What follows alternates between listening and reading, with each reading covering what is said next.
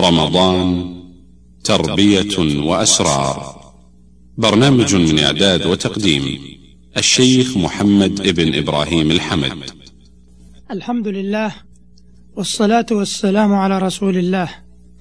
أيها المستمعون الكرام سلام الله عليكم ورحمته وبركاته. أما بعد فإن الحديث في الدقائق التالية سيكون حول بعض الملحوظات على بعض الصائمين. كي يتجنبوها ويحذروها ليكون صومهم صحيحا تاما مقبولا وليحصلوا على الفوائد المرجوة والبركات المتعددة من شهرهم الكريم.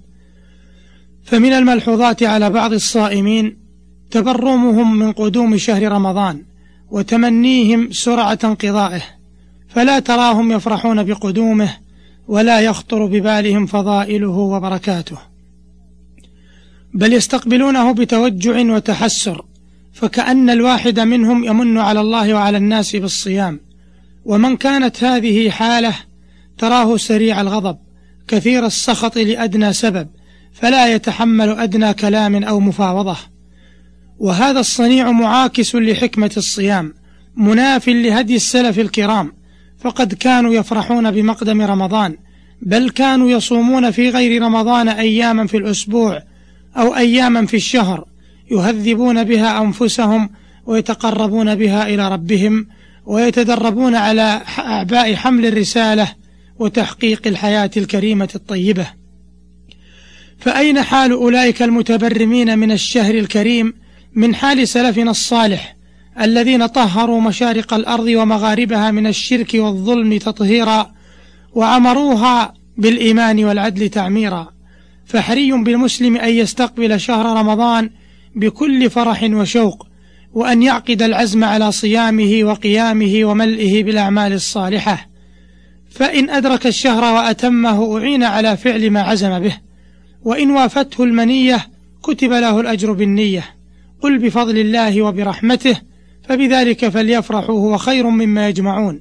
ومن يخرج من بيته مهاجرا إلى الله ورسوله ثم يدركه الموت فقد وقع أجره على الله. ومما يلحظ على بعض الصائمين أنهم يصومون عن تقليد ومسايرة فلا يرون في الصيام أكثر من هذا المعنى ولا ريب في خطأ هؤلاء وقلة فقههم لمعنى الصيام. فواجب عليهم أن يصوموا عن إيمان واحتساب وتعظيم لشعائر الله.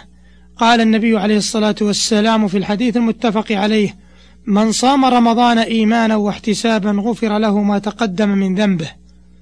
ولهذا تجد الصائم عن إيمان بالله وخشية له وتعظيم واحتساب للأجر عنده تجده راضيا مرضيا مطمئن النفس منشرح الصدر مسرورا بصيامه شاكرا لربه الذي فسح له في عمره حتى بلغه صيام هذا الشهر.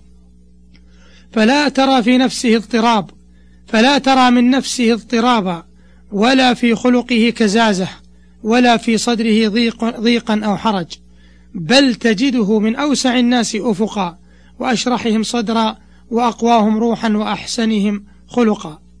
ومما يلحظ على بعض الصائمين قلة حرصهم على تطبيق السنة حال الإفطار فتراهم لا يبالون بالبداءة بالرطب أو التمر أو الماء فتراهم يؤثرون غيرها عليها مع وجودها أمامهم. وهذا وإن كان مجزئا فهو مخالف للسنة. فالسنة أن يفطر الصائم على رطب أو تمر فإن لم يجد حسى حسوات من ماء. هذا وللبداءة بالرطب أو التمر والماء سر عجيب وبركات متعددة وتأثير على القلوب وتزكيتها يدرك ذلك المتبعون المقتدون الموفقون. مع ما في ذلك من الفائدة الطبية الصحية حيث ذكر الأطباء أن الجسم يمتص المواد السكرية في مدة خمس دقائق فتزول أعراض نقص السكر والماء لأن سكر الدم ينخفض أثناء الصوم فيؤدي إلى الشعور بالجوع والتوتر أحيانا وسرعان ما يزول ذلك بتناول الرطب أو التمر. ومما يلحظ على بعض الصائمين تأخير الفطر.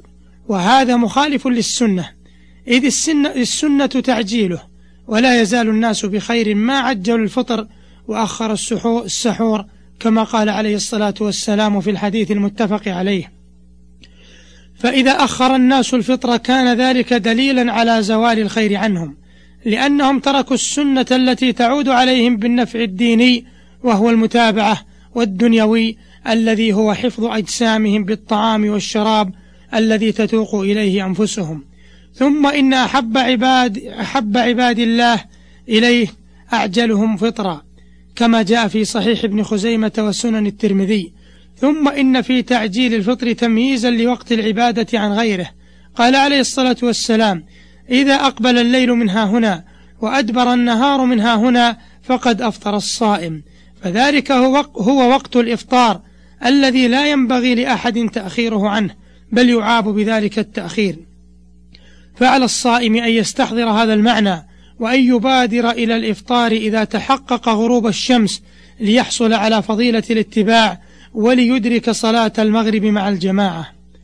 ومن الصائمين من يذهب إلى بيت الله الحرام طيلة الشهر أو نصفه ويدع أهله وأولاده بلا حسيب ولا رقيب فيؤدي بذلك مندوبا ويترك مفروضا ومنهم من يصطحب معه أهله وأولاده إلى البيت الحرام فيعتكف في المسجد أياما ويدع أهله وأولاده يتجولون في الأسواق في مكة متعرضين للفتنة معرضين غيرهم لها مضيعين للفرائض غير مبالين بحرمة المكان والزمان.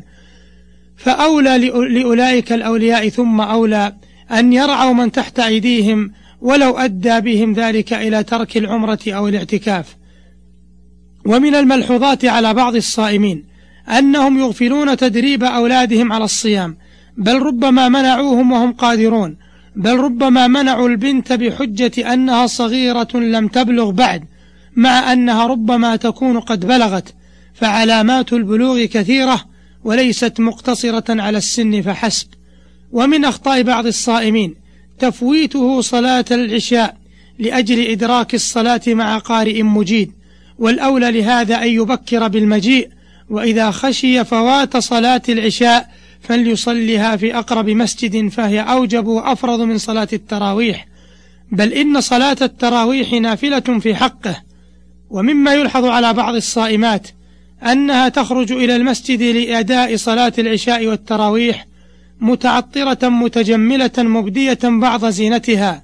فتكون بذلك عرضة لفتنة المسلمين في أشرف البقاع وأشرف الأزمنة فواجب على المسلمة إذا أرادت الخروج إلى المسجد أن تخرج تفلة بعيدة عن الزينة والفتنة. ومما يلحظ على بعض المسلمات في هذا الشهر الكريم أن الواحدة منهن تذهب إلى المسجد لأداء صلاة التراويح. وربما تأخرت فلم تأت إلا والإمام قد شرع في صلاة العشاء.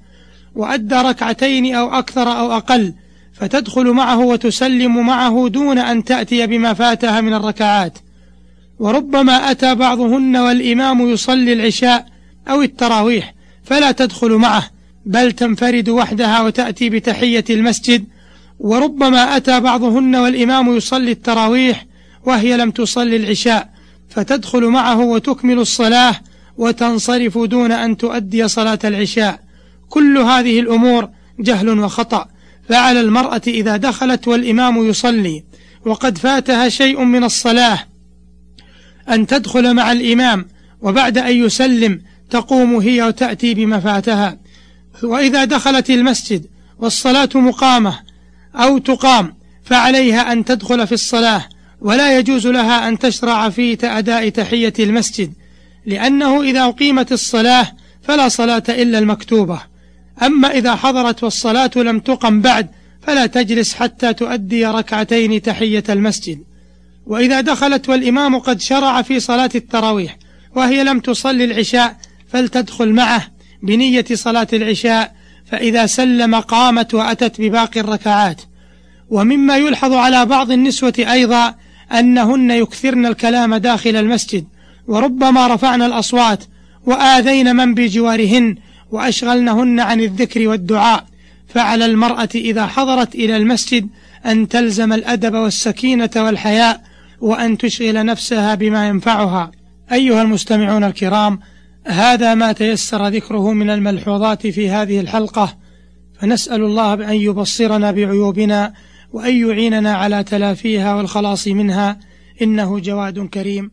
والسلام عليكم ورحمة الله وبركاته. تم تنزيل هذه المادة من موقع نداء الإسلام www.islam-call.com